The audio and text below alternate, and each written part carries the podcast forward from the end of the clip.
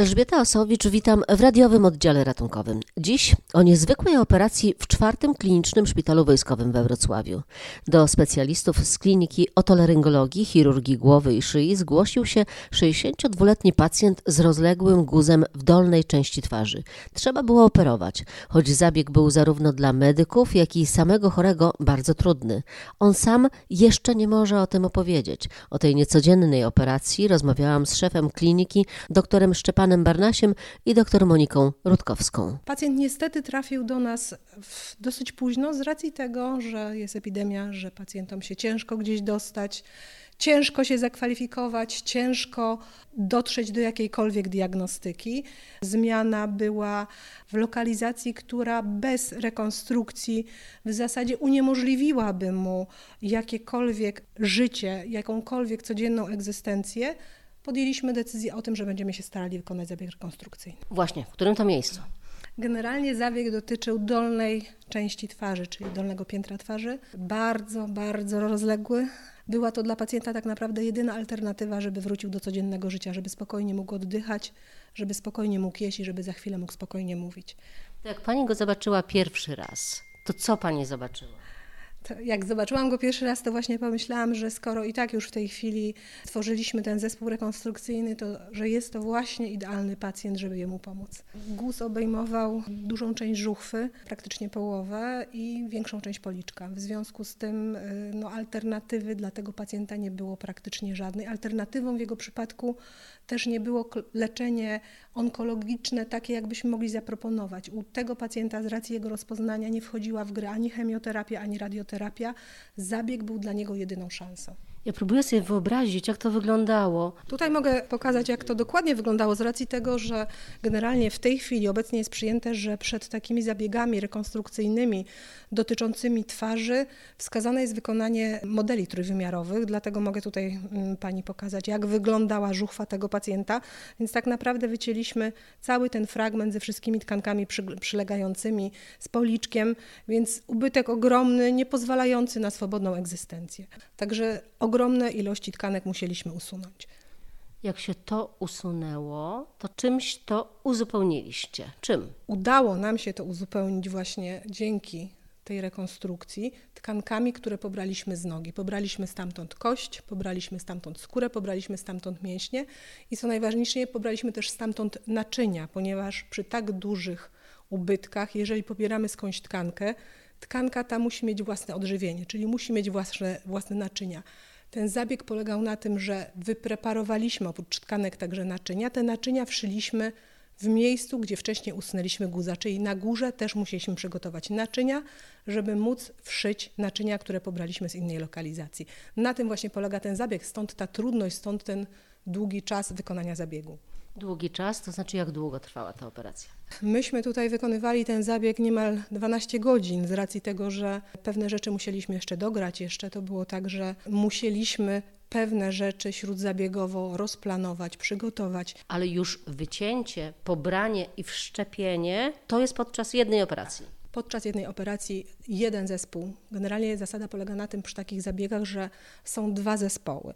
Jeden zespół usuwa guz, przygotowuje loże, drugi zespół pobiera tkankę, która będzie uzupełniała ubytek i później tą tkankę wszywa w loże po usuniętym guzie. Zasada jest taka ogólnie przyjęta, że są to dwa zespoły, żeby ten zespół pierwszy, czyli zespół, który usuwa guza, wyciął to wystarczająco radykalnie, ponieważ my usuwając guza, jeżeli chcemy później to sami wypełnić, mamy taką brzydką tendencję, żeby wyciąć trochę za mało, żeby łatwiej było tą lożę zamknąć. W związku z tym zasady ogólnie przyjęte są takie, że zespół, który wycina, nie przejmuje się tym, jak to uzupełnić. Czyli robimy ogromną dziurę, a niech ktoś inny się martwi, co z tym zrobić. Także troszkę jest tak, że ten zespół, który czeka na pobranie tkanek, chwilkę czeka, żeby zobaczyć, jak realnie ogromny będzie ten ubytek, który powstał.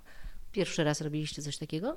z tak dużym uzupełnieniem, tak, pierwszy raz. Normalnie przez lata robiliśmy tak, że tylko przesuwaliśmy jakieś tkanki miejscowe, ale rozmiary tego guza u pacjenta tutaj nie byłoby możliwe takie zamknięcie tkanek. A jeżeli byśmy tak zamknęli, to w zasadzie pacjent byłby okaleczony tak dramatycznie, że nie byłby w stanie swobodnie funkcjonować. To tyle o pracy lekarzy, a teraz z panem, panie doktorze, chciałabym porozmawiać o pacjencie, bo to jest tak, że tak sobie próbuję wejść w skórę tego pacjenta. No, on musiał powiedzieć tak, zgadzam się, tak? Czy miał jakieś wyjście w ogóle? Jeśli chodzi o pacjenta samego, to wyjście miał takie, że mógł się nie operować, prawda? No wiemy, jakby się to, że to się by dla niego bardzo źle skończyło. Praktycznie życie do końca mm, krótkie w cierpieniach. Jak on funkcjonował, zanim się tutaj zgłosił? Mógł jeszcze jeść normalnie, czy ten guz już przeszkadzał? Nie, nie, już y, twardych posiłków, twardych pokarmów nie mógł przyjmować, bardziej raczej półpłynne. Jadł jedną stroną jamy ustnej, prawda? No także to nie, duży miał dyskomfort. Długo, za długo zwlekał? Czy za długo zwlekał? Na pewno tak. No to wiadomo, gdyby ten zabieg odbył się parę miesięcy wcześniej, to rozległość operacji byłaby znacznie mniejsza. A niestety no, czas też tutaj gra rolę, że wtedy zakres tego zabiegu jest znacznie większy. Niemniej jednak y, sam zabieg byłby podobny. Pani doktor mówiła o tym, co trzeba było zrobić, jak ta operacja przebiegła i w jakim stanie teraz jest ten pacjent. Operacja była bardzo długa, żmudna, ciężka dla pacjenta, ciężka dla całego zespołu, bo to zaczynając rano skończyliśmy w nocy, musieliśmy się wymieniać, robić jakieś przerwy, żeby dojść do siebie fizycznie i psychicznie po każdym odcinku operacji. Też dla pacjenta taka operacja przebiega w ten sposób, że później pacjent nie wraca na swoją salę chorych na oddział, tylko wraca na oddział intensywnej terapii, gdzie jest utrzymywany w śpiączce dwa dni i później pacjenta powoli zespół anestezjologiczny wybudza. Jest to wszystko podyktowane tym, żeby ten płat, który był rekonstrukcyjnie przeszczepiony, żeby nie doszło do zamknięcia się, wytworzenia jakichś zatorów i obumarcia tego płata naczyniowego, a też pacjent po tak długim zabiegu, no, jego parametry życiowe, żeby wróciły do prawidłowej funkcji. Wróciły? Wróciły. Jak to teraz wygląda? Jak on wygląda? Kiedy był ten zabieg? Zabieg w ubiegłym tygodniu w środę wygląda, jak to mogę powiedzieć, całkiem przyzwoicie. Jest troszeczkę jeszcze obrzęknięty, opuchnięty. No to jest typowe dla takiego zabiegu. Wszystkie jego e, tkanki głowy, szyi i też tego podudzia, które było operowane, no jak po każdej operacji muszą wrócić fizjologicznie do prawidłowej funkcji, a na to wymaga czasu. Także z dnia na dzień będzie się coraz lepiej poprawiał i w przyszłym tygodniu już pacjent, mm, myślimy, że wy- wypuścimy pacjenta, wypiszemy do domu. Pewnie nie da się zrobić tego tak, żeby śladu nie było. No, Ślad na pewno będzie. Jak to może wyglądać ostatecznie? Czy będą jeszcze potrzebne jakieś zabiegi plastyczne? Jeśli chodzi o twarz, no to w y, przypadku tego pacjenta nie ma takiej potrzeby, ponieważ te wszystkie linie cięcia z czasem za pół roku do roku czasu się wygładzą i nie będzie, będzie trzeba się przyjrzeć, żeby zobaczyć te jego miejsca cięcia. Najważniejsze to jest zachowanie jakby owalu twarzy, jego kształtu. Dotychczasowe operacje, które były mm, wykonywane, gdzie się wycinało te masy guza, nie zostały niczym uzupełnione, więc pacjenci się no, jakby no, nie bardzo w dzień mogli pokazać, wstydzili się pokazania na ulicy, bo mieli duże ubytki w twarzy. To też nie było do końca, tu jak pani doktor Rutkowska wspomniała, ten zakres tej operacji czasami był no, niedostateczny dla pacjenta.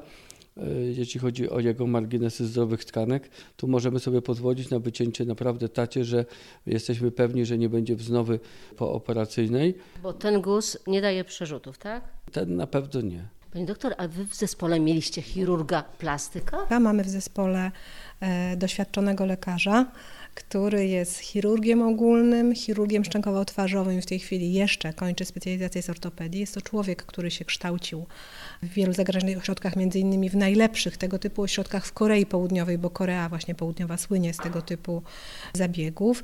I doktor jest lekarzem bardzo doświadczonym. Szczęśliwie chciał do nas przyjechać, dołączyć do naszego zespołu, bo doktor przyjeżdża z Poznania, więc jesteśmy mu naprawdę szczerze wdzięczni, że chce z naszym zespołem współpracować. Wśród zabiegów zabiegowo okazało się, że naprawdę zaskoczyło, że potrafimy ze sobą pracować, bo niestety jest to praca bardzo ciężka. Nie jest to miejsce, jak tu my się śmiejemy na miejscu, że e, operacje rekonstrukcyjne to nie miejsce na gwiazdorzenie, że przy tak dużym składzie zespołu każdy musi być sprawnym operatorem, każdy ma swoją rzecz do zrobienia i nie ma miejsca na spory, na kłótnie.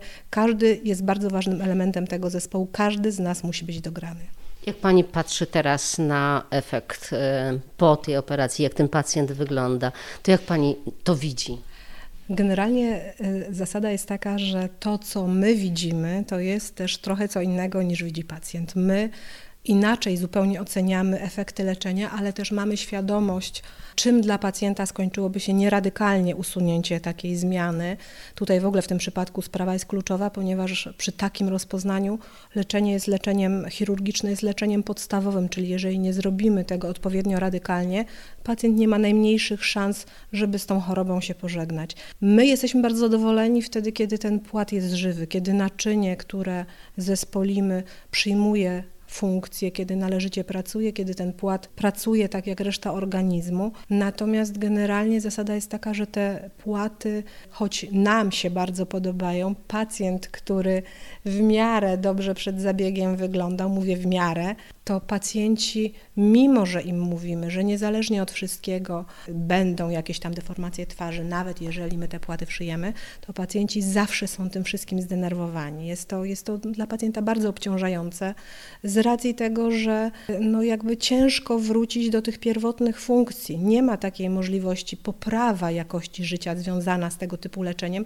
nie oznacza idealnego powrotu do funkcji i to jest często powód, dla którego pacjenci dosyć ciężko to akceptują. Przychodzi do Was pacjent, który no wprawdzie słyszy diagnozę, że ma jakiś guz tutaj w okolicy żuchwy, ale nic nie widać, chodzi normalnie, funkcjonuje i Wy to oglądacie i mówicie, no tak, to trzeba będzie wyciąć pół żuchwy i pół policzka. No to, to jak przekonać do tego pacjenta? Generalnie są to bardzo trudne decyzje i bardzo ciężkie rozmowy. My mówimy pacjentowi, że to trzeba wyciąć i na przykład ciężko nam jest wytłumaczyć, że żeby usunąć guza, to musimy również usunąć margines zdrowych tkanek, żeby dać szansę realnie na wyleczenie choroby. I powiem szczerze tak, że niestety część pacjentów znika, nie decyduje się na leczenie i czasami jest tak, że my na to pozwalamy. Teraz ostatnio mieliśmy na przykład sytuację na konsylium pacjentki 87-letniej, w zasadzie z podobną zmianą, jak tutaj była u pacjenta. I pacjentka powiedziała, że ja, dla niej każdy dzień to jest dar, dar od losu i że ona się na taki zabieg nie zgadza, że ona po prostu sobie go nie zrobi. I daliśmy jej leczenie alternatywne, które absolutnie jej nie wyleczy, ale ponieważ ona mówi, że dla niej każdy następny miesiąc egzystencji swobodnej jest wystarczający, to to była jej decyzja. My po prostu to szanujemy. Natomiast oczywiście, jeżeli to są młodsi pacjenci, to staramy ich się przekonywać o tym, że na przykład jest ostatni moment, żebyśmy mogli coś zrobić, bo są sytuacje, w których absolutnie nie jesteśmy w stanie nic zrobić. Natomiast generalnie jest tak, że my jesteśmy zachwyceni wynikami zabiegu, ale pacjent nie zawsze potrafi to docenić, bo nie wie tak naprawdę ani jakie by były konsekwencje odstąpienia od tego zabiegu, ani tak naprawdę nie wie, ile pracy jest włożone w to, żeby wyglądać tak, jak wyglądać, bo ciężko pacjentowi nawet wyciągając jakiekolwiek modele, pokazując książkę, wytłumaczyć trójwymiarowo, co tak realnie trzeba usunąć, żeby swobodnie funkcjonował. Pytałam o te względy estetyczne, ale właśnie te funkcjonalne, czyli on po wygojeniu będzie mógł na przykład e, samodzielnie już normalnie jeść? Tak, jeżeli ten płat się wgoi, bo ja mówię, to jest, to jest jakby kluczowa rzecz. To, że myśmy dobrze przeprowadzili zabieg, to jeszcze nie oznacza, że to będzie pełen sukces. Zależy to od bardzo wielu czynników. Generalnie zasada jest taka, że do takich zabiegów kwalifikowani są pacjenci nieobciążeni, w miarę zdrowi, żeby mogli współpracować z tą tkanką, którą im przeszczepiamy, żeby należycie podjęło czynności te przeszczepione tkanki. Tak, nasz pacjent przy takim rozwiązaniu sprawy powinien za jakiś czas zupełnie sprawnie funkcjonować, jeść, mówić. Do tego zmierzamy. Wygląda na to, że nam to się uda. Natomiast zawsze jest tak, że nie jest to powrót do stanu pierwotnego i to jest bardzo trudne dla pacjenta. Nie ma co ukrywać, po prostu niezależnie od tego, jak dobrze to zrobimy, nie jest to nigdy tak, jak było. No tutaj na szali było życie lub nie. Tak, no niemniej jednak pacjent jak już coś ma, to zawsze chciałby więcej. Lekarze deklarują, że są gotowi do tak skomplikowanych operacji. Pacjenci, którzy takiej pomocy, mogą zgłaszać się do szpitala wojskowego, który współpracuje z Dolnośląskim Centrum Onkologii.